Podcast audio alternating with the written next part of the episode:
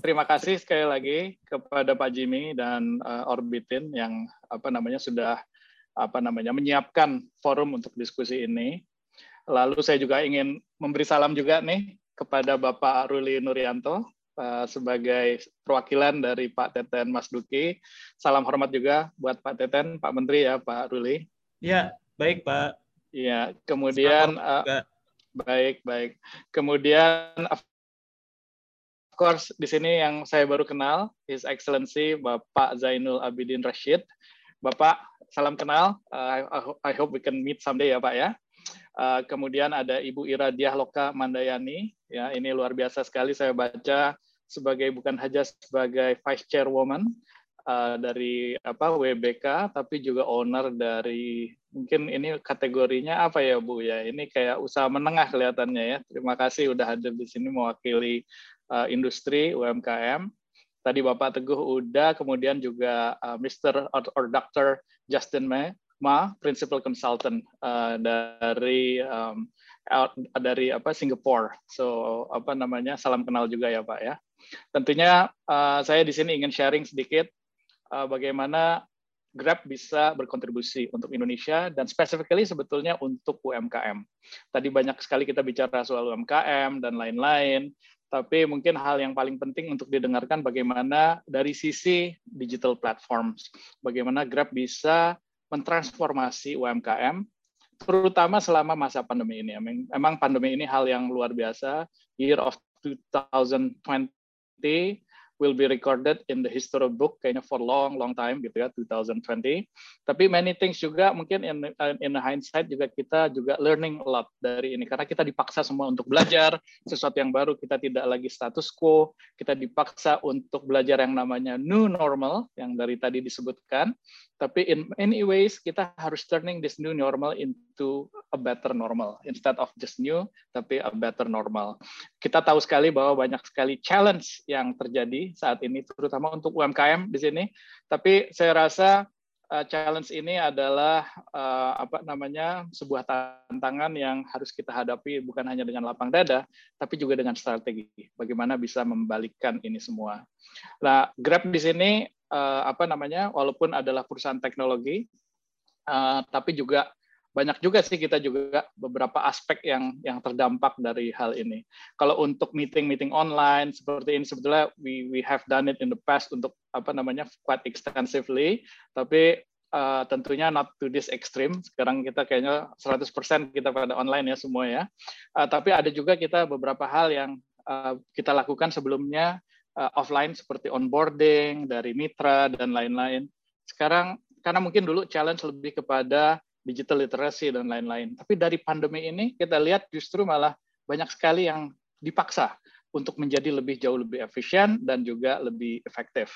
Kemudian tantangan berikutnya adalah eh, kita tetap harus memberikan juga rasa aman, eh, mengikuti protokol kesehatan, terutama untuk menjaga bukan hanya para mitra-mitra kita, tapi juga nanti para usersnya atau para pelanggannya yang mungkin dari kebanyakan kita semua di sini. Eh, mungkin itu introduction dari saya. Um, tentunya perjalanan Grab ini tidak lepas dari kemitraan. Yang pertama adalah mungkin saya sampaikan dulu di sini adalah kemitraan dengan ekosistem perusahaan-perusahaan baik digital maupun perusahaan yang non digital.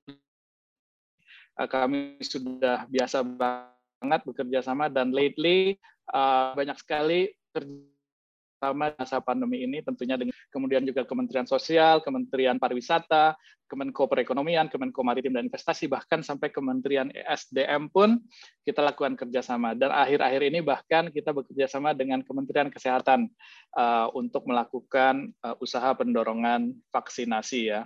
Um, ini adalah hal-hal yang yang kita lakukan. Jadi bukan hanya dengan pemain industri, tapi juga pemerintah. Tentunya kita bermitra dengan rekanan-rekanan yang atau partner-partner yang terbaik di industri. Ujungnya apa sih sebetulnya? Ujungnya adalah supaya para users atau pelanggan bisa menikmati pengalaman yang terbaik di ekosistem dari teknologi kami, yaitu super app digitalnya Grab. Um, Next-nya adalah Uh, seperti yang kita ketahui tadi sudah dibicarakan bahwa UMKM adalah elemen penting untuk ekonomi nasional Indonesia. Kalau saya sebutin, maka UMKM ini adalah pahlawan-pahlawan ekonomi masa kini ya untuk Indonesia. Uh, mungkin kita harus membuka atau meng melihat lagi paradigma baru bahwa pahlawan bukan lagi yang bertempur di medan perang, tapi pahlawan adalah yang bertempur untuk ekonomi Indonesia. Uh, kita tahu sendiri tadi dari data-data Pak Ruli luar biasa sekali, tapi saya quote beberapa di sini bahwa uh, before the pandemi, 60% dari Indonesia GDP itu dikontribusikan oleh UMKM. Ini juga fakta bahwa 97% penyerapan untuk tenaga kerja ini juga datangnya dari UMKM. Ini membuktikan sekali lagi bahwa uh, luar biasa pentingnya dan benar-benar pahlawan ekonomi um, apa namanya UMKM ini. Hanya saja bicara soal resiliensi, terutama di masa pandemi ini, masih banyak PR untuk membuat UMKM-UMKM ini lebih tangguh lagi.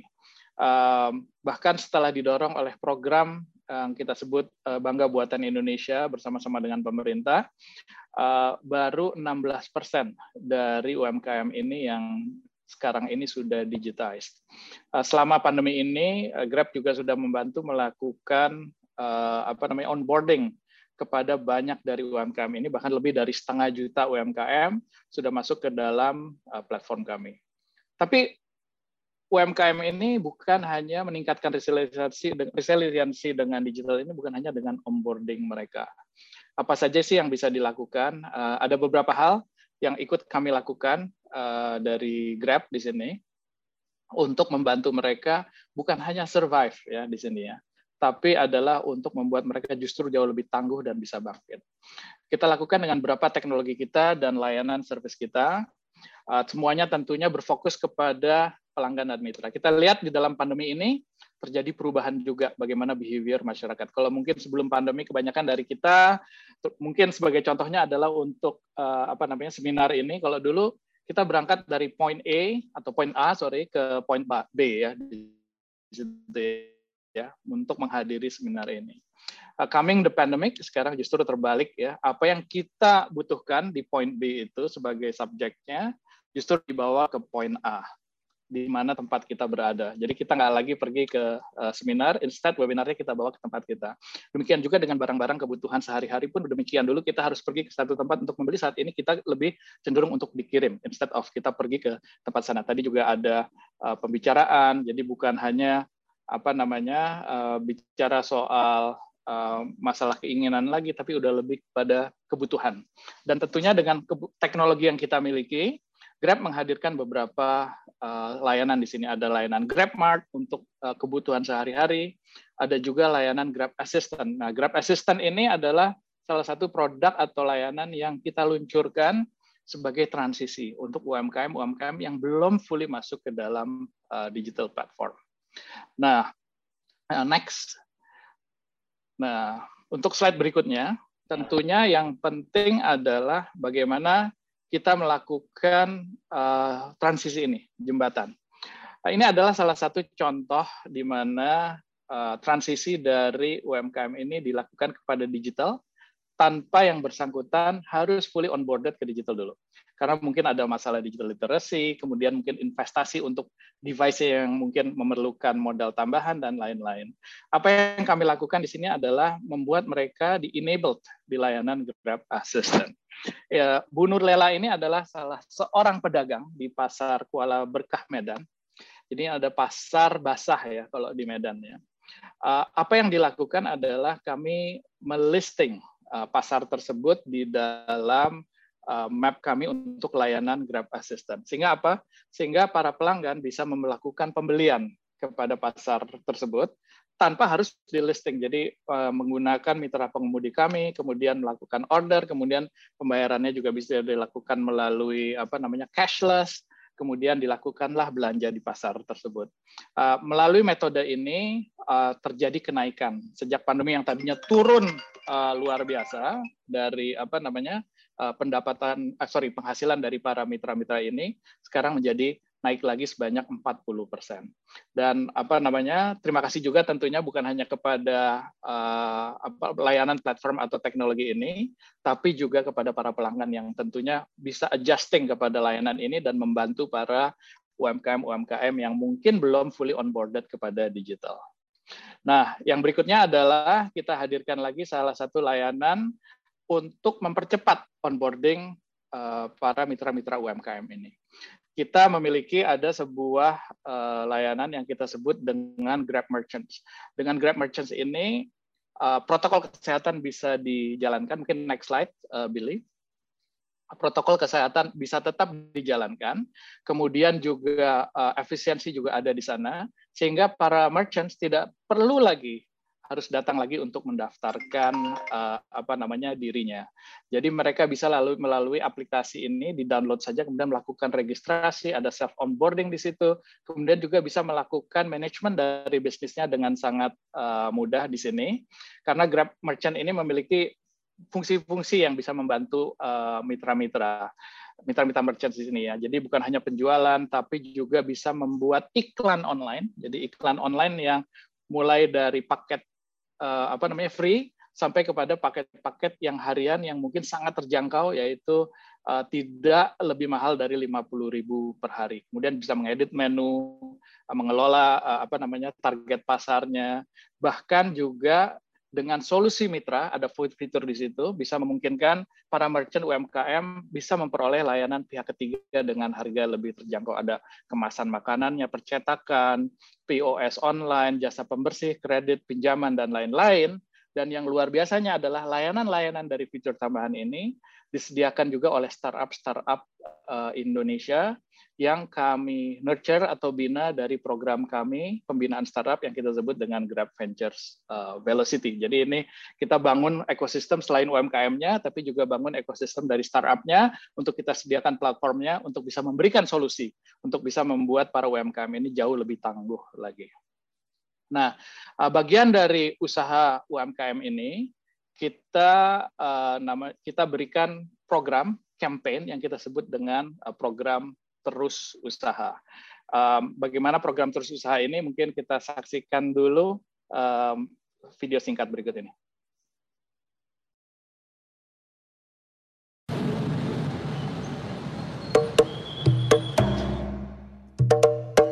Susah. Kau penuh hikmah. Karena kau, kita jadi lebih berani mencoba. Membangun, menciptakan semua yang belum pernah dicoba. Karena susah, kita nekat berinovasi, membuka mata, telinga, dan pikiran untuk lebih mengerti, terinspirasi, bahkan sampai lebih sering berbagi. Susah, kok adalah proses pendewasaan di tiap kerasnya usaha kita.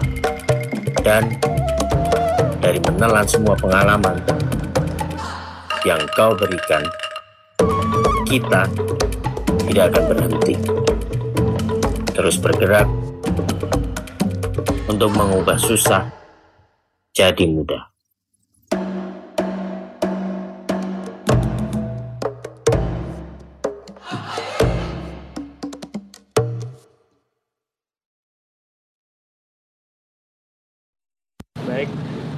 Ini adalah nextnya Billy, ini adalah program terus usaha. Jadi uniknya terus usaha ini kalau dilihat di tengah-tengah kata-katanya itu susah, tapi dengan usaha dan dengan uh, re-strategizing menggunakan platform digital, dan terus usaha tentunya kita bisa bangkit lagi ya. Ada beberapa program dari terus usaha ini kita luncurkan di 12 kota secara official tapi di seluruh kota di Indonesia. Eh, diluncurkan pertama oleh Bapak Menko Erlangga, tapi kemudian di 12 kota melalui pimpinan-pimpinan daerah mulai dari gubernur, kemudian Sri Sultan dan lain-lain. Di sini ada portal informasi di Grab for Good, ada pelatihan dan seminar, ada program juga bazar online, dan tentunya pengenalan aplikasi Grab Merchant dan Grab Kios. Tadi Pak Teguh sempat sebutkan bagaimana uh, para mitra mungkin yang uh, UMKM yang tergabung dalam kategori misalnya warung dan lain-lain bagaimana mereka bisa bangkit. Kita punya programnya itu Grab Kios mereka bukan hanya dikenalkan oleh produk-produk digital tapi juga produk-produk inovatif ya yang bisa mereka tawarkan di lingkungan sekitarnya. Seperti misalnya uh, tabungan emas lalu juga uh, pengiriman uang ke kota lain melalui mitra-mitra Grab Kios dan masih banyak lagi. uh, lalu berikutnya adalah sebagai bagian dari komitmen Grab untuk mendukung UMKM ini, baru aja di tahun lalu di 10 November 2020 kami meluncurkan Grab Tech Center.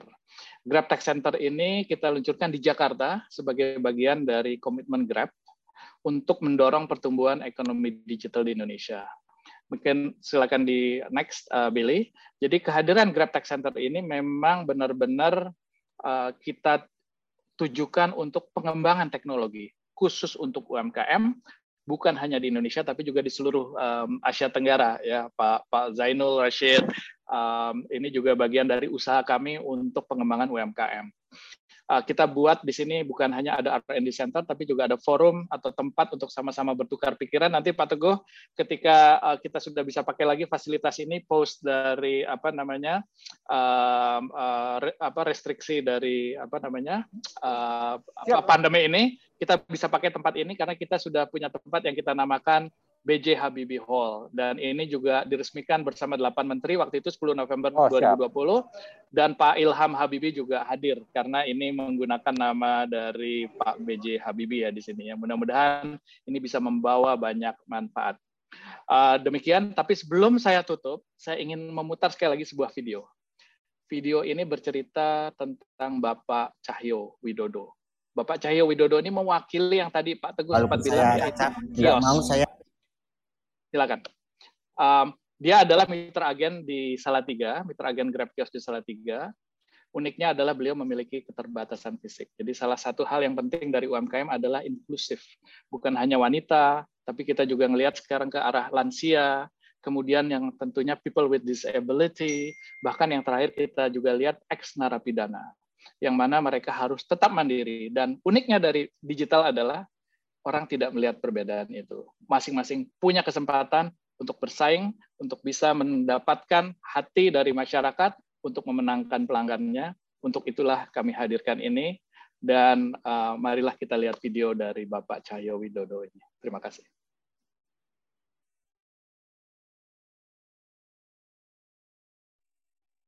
walaupun saya cacat nggak mau saya meminta-minta saya sih harus mengasihkan gitu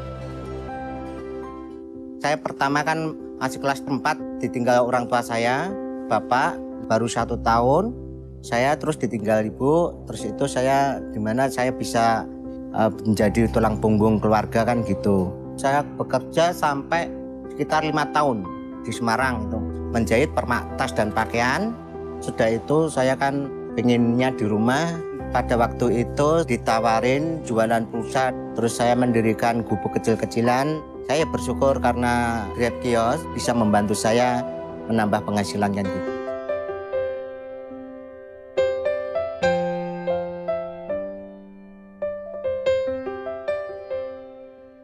Saya dulu pas pada waktu kecil itu saya mau jajan aja saya mencari batu itu kan saya kecil-kecilin itu nanti dijual kalau udah laku uang saya buat jajan ya untuk lain-lainnya kan gitu ke depannya itu biar anak dan istri saya apa yang diinginkan supaya kecapean gitu, walaupun saya sakit cacat tapi cita-cita saya menjadi orang nggak mau saya meminta-minta. Kalau bisa saya sih harus mengasihkan gitu. Mas Dodo itu menurut saya ya pekerja keras. Uh, terus walaupun dulu buka warung, uh, terus bangkrut, buka lagi, bangkrut lagi sampai beberapa kali. Terus akhirnya dia permaktas sambil jualan pulsa, uh, segala macam, terus jualan sembako. Akhirnya dia ada kemajuan, terus uh, bisa membantu saya dan bisa menjadi tulang punggung keluarga yang sangat baik.